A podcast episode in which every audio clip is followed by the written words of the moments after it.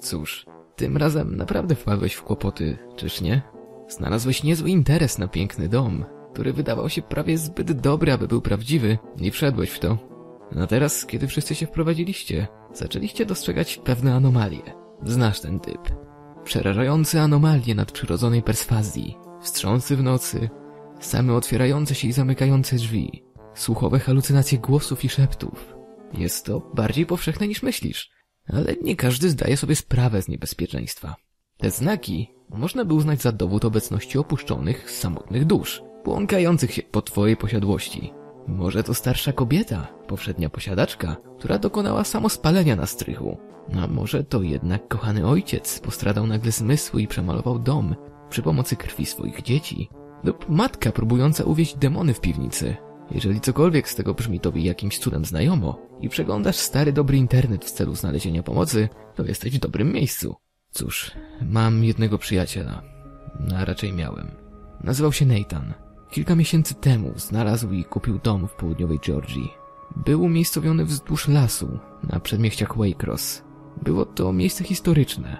Przeważał tu styl kolonialny, osiągający wymiar poniżej 5000 stóp kwadratowych. Domy posiadały po sześć sypialni i łazienek. Całość ogracał biały płotek i 12 agrów lasu. Kwintesencja amerykańskiego snu pod każdym względem.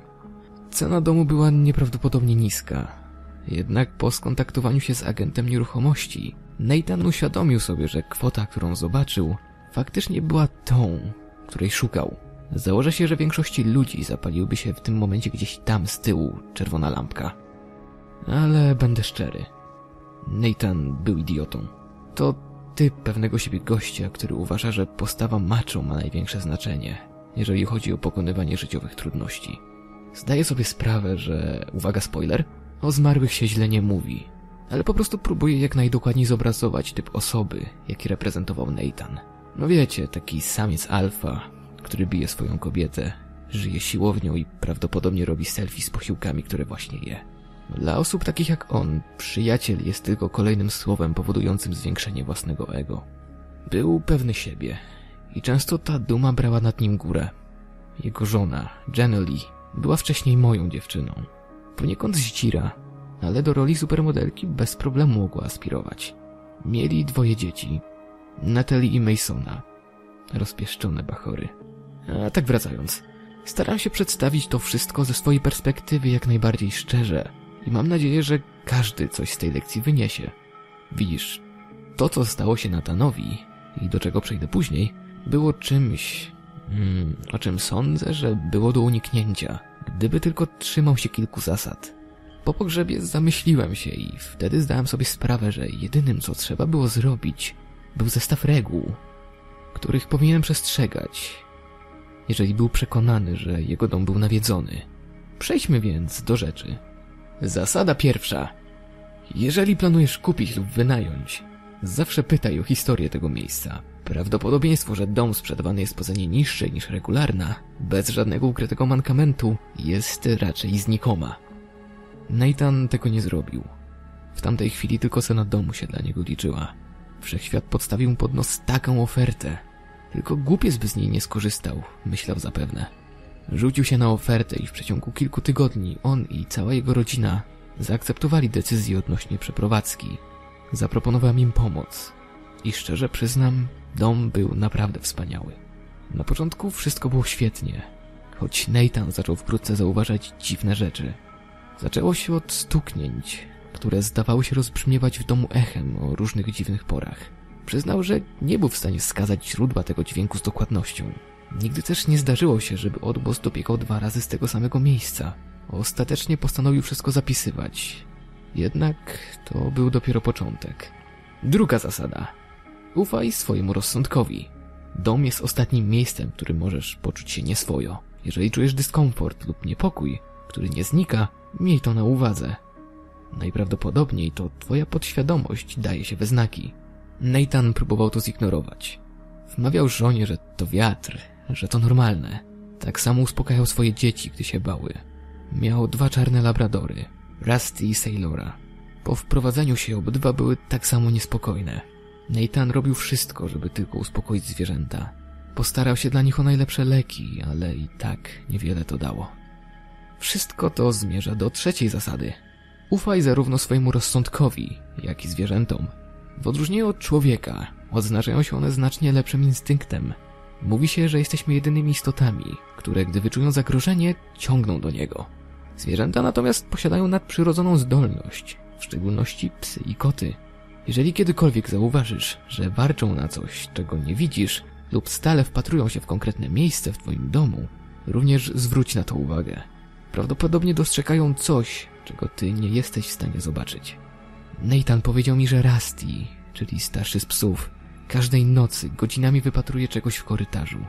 Jego zdaniem wyglądało to jakby stał na straży, czy coś w tym rodzaju. Wielokrotnie zdarzało się, że pies potrafił nagle zacząć warczeć i ujadać. Nathan wychodził wtedy na korytarz, ale nigdy niczego tam nie znalazł. Zmartwiony zabrał psa do weterynarza. Jednak ten stwierdził, że psu nic nie dolega i ma się dobrze. Tymczasem Sailor, młodszy pies, spał każdej nocy po jednej stronie łóżka Masona. Chłopak miewał paraliżujące koszmary, które nieustannie go dręczyły. Sailor wydawał się to wszystko odczuwać. Za każdym razem Mason budził się w środku nocy z krzykiem, a pies sprawiał, że chłopak się uspokajał. I to doskonale wpisuje się w naszą następną zasadę. Zasada numer cztery. Uważaj na koszmary. Małe dzieci są podobne do zwierząt w taki sposób, że wydają się bardziej spostrzegawcze w stosunku do rzeczy, które nie są widoczne dla dorosłych. To może być trudne, ponieważ istnieje wiele przyczyn koszmarów, z takimi rzeczami na czele jak lęk, depresja i inne choroby psychiczne. Znakiem ostrzegawczym jest to, czy twoje dziecko nagle je doświadczy wkrótce po wejściu do domu. Biedny Mason miał absolutnie przerażające sny i każdej nocy był przez nie dręczony. Często mówił o rozmytym człowieku, który przychodził do niego, kiedy spał i szeptał straszne rzeczy. Powiedział nawet, że czasami widzi niewyraźnego mężczyznę, gdy się budził, ale nigdy więcej niż tylko przez szybki rzut oka i zawsze w cieniu lub na zewnątrz, w lesie. Nathan i jego żona martwili się, że być może Mason był schizofrenikiem, ale wielu lekarzy potwierdziło, że tak nie było. Próbowali podać Masonowi tabletki nasenne, różne suplementy i palone kadzidła, aby pomóc mu spać spokojniej.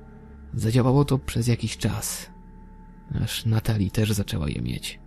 Zasada piąta. Spróbuj określić, z jakim duchem masz do czynienia. Jeśli widzisz przebłyski małego dziecka biegnącego w nocy przez korytarz lub orby krążące w powietrzu, wtedy raczej twój eteryczny sąsiad jest łagodny. Niektórzy ludzie nawet odkrywają, że raczej cieszą się życiem ze współlokatorem, a ich wybryki są raczej interesujące. Większość ludzi wierzy, że duchy, które przemijają przed ukończeniem tego, czego chciała ich dusza, utkną w jakimś rodzaju czyśćcu. Wiele z nich jest przerażonych, zdezorientowanych i złych, ale niektóre, przede wszystkim małe dzieci, wydają się czasami niemalże radosne. Większość z nich jest zdenerwowana, ale całkowicie nieszkodliwa, ale są też inne duchy. Reguła szósta. Jeśli u ciebie lub któregokolwiek z członków twojej rodziny pojawiają się niewytłumaczalne siniaki, skaleczenia lub zmiany chorobowe, nie traktuj ich lekceważąco. To powinna być ogromna czerwona flaga, ponieważ jest to bardzo zły znak. Jeśli czujesz, że jesteś atakowany podczas snu i budzisz się z niewyjaśnionymi zadrapaniami lub ranami, po prostu uciekaj czym prędzej z domu. Naprawdę. Złośliwy duch zdolny do zadawania fizycznych ran nie jest czymś, z czym można się bawić. Prawdopodobnie jest to demon i szczerze mówiąc jest to najlepszy scenariusz. Istnieją inne, nieabrahamiczne jednostki, które również mogą być za to odpowiedzialne. Są one bardzo rzadkie, ale jeśli zostaną napotkane, to obawiam się, że nawet mój przydatny zestaw zasad nie wystarczy, by je powstrzymać. Natalie i Mason doświadczyli wielu zadrapań, ran, a nawet kilku siniaków, które wyglądały prawie jak ślady ugryzień. Żona Neitana, Jenny również została ofiarą tych ataków. Nauczyciele dzieci w szkole zaczęli to zauważać i bardzo martwili się o ich bezpieczeństwo. Oczywiście ich pierwsza myśl nie była paranormalna, ale raczej taka, że dzieci były maltretowane w domu. Dopiero gdy służby specjalne zagroziły, że usuną dzieci z domu, Nathan w końcu zgodził się wyprowadzić je z domu. Janely i dzieci zamieszkały z matką.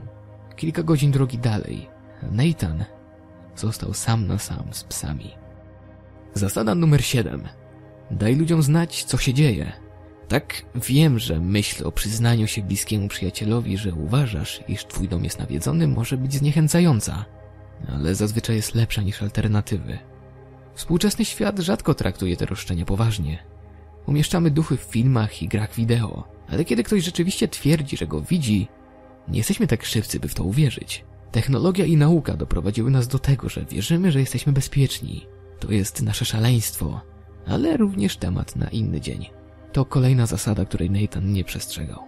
Im gorzej było dla niego i jego rodziny, tym bardziej był odosobniony. Wielokrotnie dzwonił na policję, mówiąc, że wierzy, iż ktoś się włamał, no ale nigdy nie znaleźli na to dowodów. W końcu umieścili go na czarnej liście i ostrzegli, że dalsze kontakty będą skutkowały problemami prawnymi. Zamiast powiedzieć rodzicom, bratu lub przyjaciołom, co się dzieje, Nathan zamknął się w sobie. Stał się zgorzkniały i niedaleko mu było do paranoika. Czasami odmawiał odpowiedzi na telefony i smsy od swoich bliskich. Po prostu zerwał kontakt, a sprawy tylko się pogorszyły. Reguła ósma i dziewiąta należą do tej samej kategorii, chociaż jedna jest nieco bardziej ekstremalna niż druga. Zasada numer 8. Jeśli podejrzewasz, że coś jest nie w porządku, nie zaszkodzi wykonać oczyszczenia. Jak powiedziałem wcześniej, współczesny świat ma mało czasu, aby zabawiać pojęcie duchów i nadprzyrodzonych, ale to nie powinno cię odstraszać. Jeśli nie jesteś pewien, czy twój dom jest nawiedzony, czy nie, rutynowe oczyszczenie może zdziałać dla ciebie cuda. Jestem gotów się założyć, że w twoim mieście są media i księża, którzy mogą wykonać to zadanie. Nawet jeśli nie możesz znaleźć nikogo na miejscu, zawsze możesz po prostu wejść na stronę internetową i znaleźć instrukcję dla siebie. To nie jest tak skuteczne jak wcześniej wymieniony sposób, ale jest to lepsze niż nic. Zasada dziewiąta. Jeśli naprawdę czujesz, że jesteś w niebezpieczeństwie, niech ktoś wykona egzorcyzm. Jest to krok, którego nikt nie chce się podjąć, ale zdesperowane czasy wzywają do desperackich działań. Kapłani i przywódcy duchowi są twoimi kandydatami na takie rzeczy. Nawet jeśli sam nie jesteś religijny, ci ludzie szczerze wiedzą, jak ci pomóc. Istnieją pewne dowody na to, że Nathan próbował to zrobić, ale nie wiadomo dlaczego dokładnie nie wyszło. Może po prostu obgadał samego siebie i pomyślał, że poradzi sobie z tym, a może jego ego znów przejęło kontrolę. Nathan zbierał dowody już od jakiegoś czasu i zgromadził sporo wskazówek. Miał nagrania audio, które przedstawiały walenie w ściany i kroki na poddaszu. Zrealizował wiele filmów, no ale żaden z nich nie pokazywał niczego poza ostatnim. Ale w tym momencie było już za późno. W swoim dzienniku pisał też, że kilkakrotnie doświadczył przedmiotów w mieszkaniu, które lewitowały. Jednak niestety nie miał na to dowodów. Zasada numer 10. Ta duża. Cokolwiek zrobisz, nie próbuj antagonizować ducha. To naprawdę powinno być oczywiste. Ale gniewne kwestionowanie ducha lub śmiałość manifestowania się jest naprawdę złym pomysłem. Ale jak się domyśliłeś, Nathan i jego nieograniczony strumień testosteronu postanowili to zrobić. Pewnej nocy naprawdę się upił i zaczął zastanawiać się nad wszystkim, co się wydarzyło. Nathan zawsze był sceptykiem, ale nawet on nie mógł zignorować psychologicznego wpływu na swoją rodzinę. Bez względu na to, czy jest to wyobrażalne, czy nie. Zdał sobie sprawę, że jego relacje z dziećmi i żoną są bardzo napięte, a jego nowy dom stał się miejscem wrogości. To bardzo rozluściło Neitana. Nathan wstał i krzyknął do swojego pustego domu, aby duch przyszedł i stawił mu czoła. Spotkał się tylko z ciszą, więc znów krzyknął. Ani razu duch nie odpowiedział na jego wezwanie. Po kilku bardziej werbalnych wyzwaniach wpadł w śmiech. Prawdopodobnie wierząc, że wygląda śmiesznie. Najwyraźniej nie wszyscy, którzy oglądali, czuli to samo. Nathan zdołał położyć się niedługo potem do łóżka. Nathan zdołał położyć się niedługo potem do łóżka i w ciągu kilku minut zasnął. Trzymał on też kamerę w swoim pokoju w nadziei na zdobycie dowodów i tamtej nocy znalazł coś. Około 2.30 nad ranem, w nagraniu wideo z kamer ochrony, Nathan widziany jest jako osoba śpiąca. Chrząka i mówi krótko, ale słowa były niezrozumiałe. Nagle jego oczy szeroko otworzyły się. Nagle jego oczy otworzyły się szeroko i zaczął rozglądać się wokół pokoju. Nathan zdawał się walczyć, ale jego ciało się nie ruszało. Uważa się, że padł ofiarą epizodu paraliżu sennego, który tymczasowo go sparaliżował. Jego oczy w dalszym ciągu gwałtownie rzucały się wokół pokoju.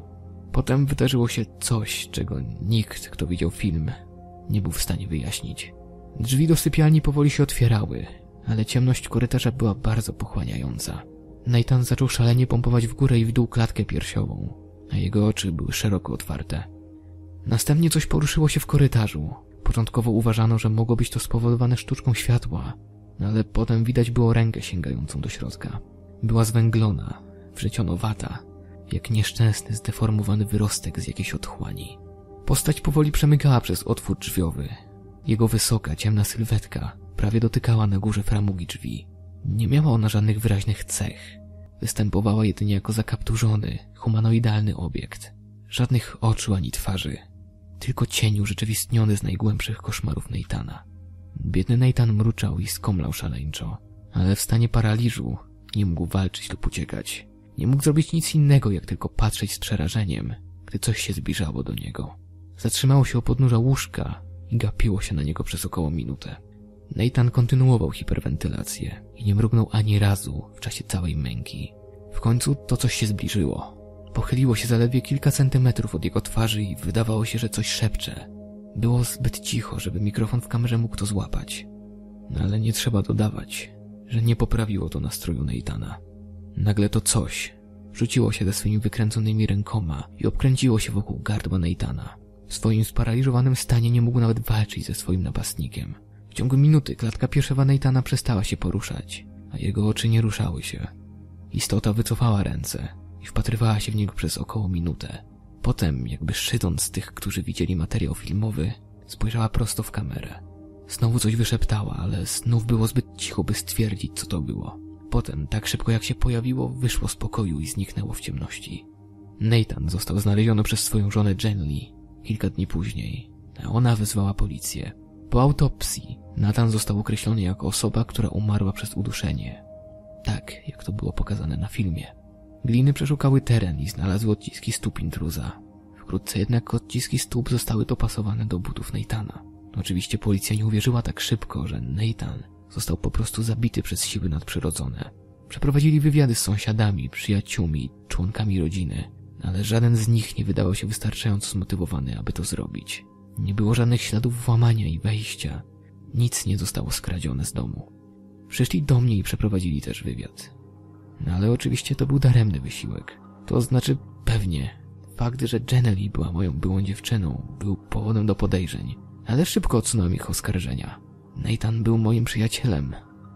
Mimo, że nie należał do tych najlepszych. Jaki przyjaciel przelatuje twoją dziewczynę za twoimi plecami?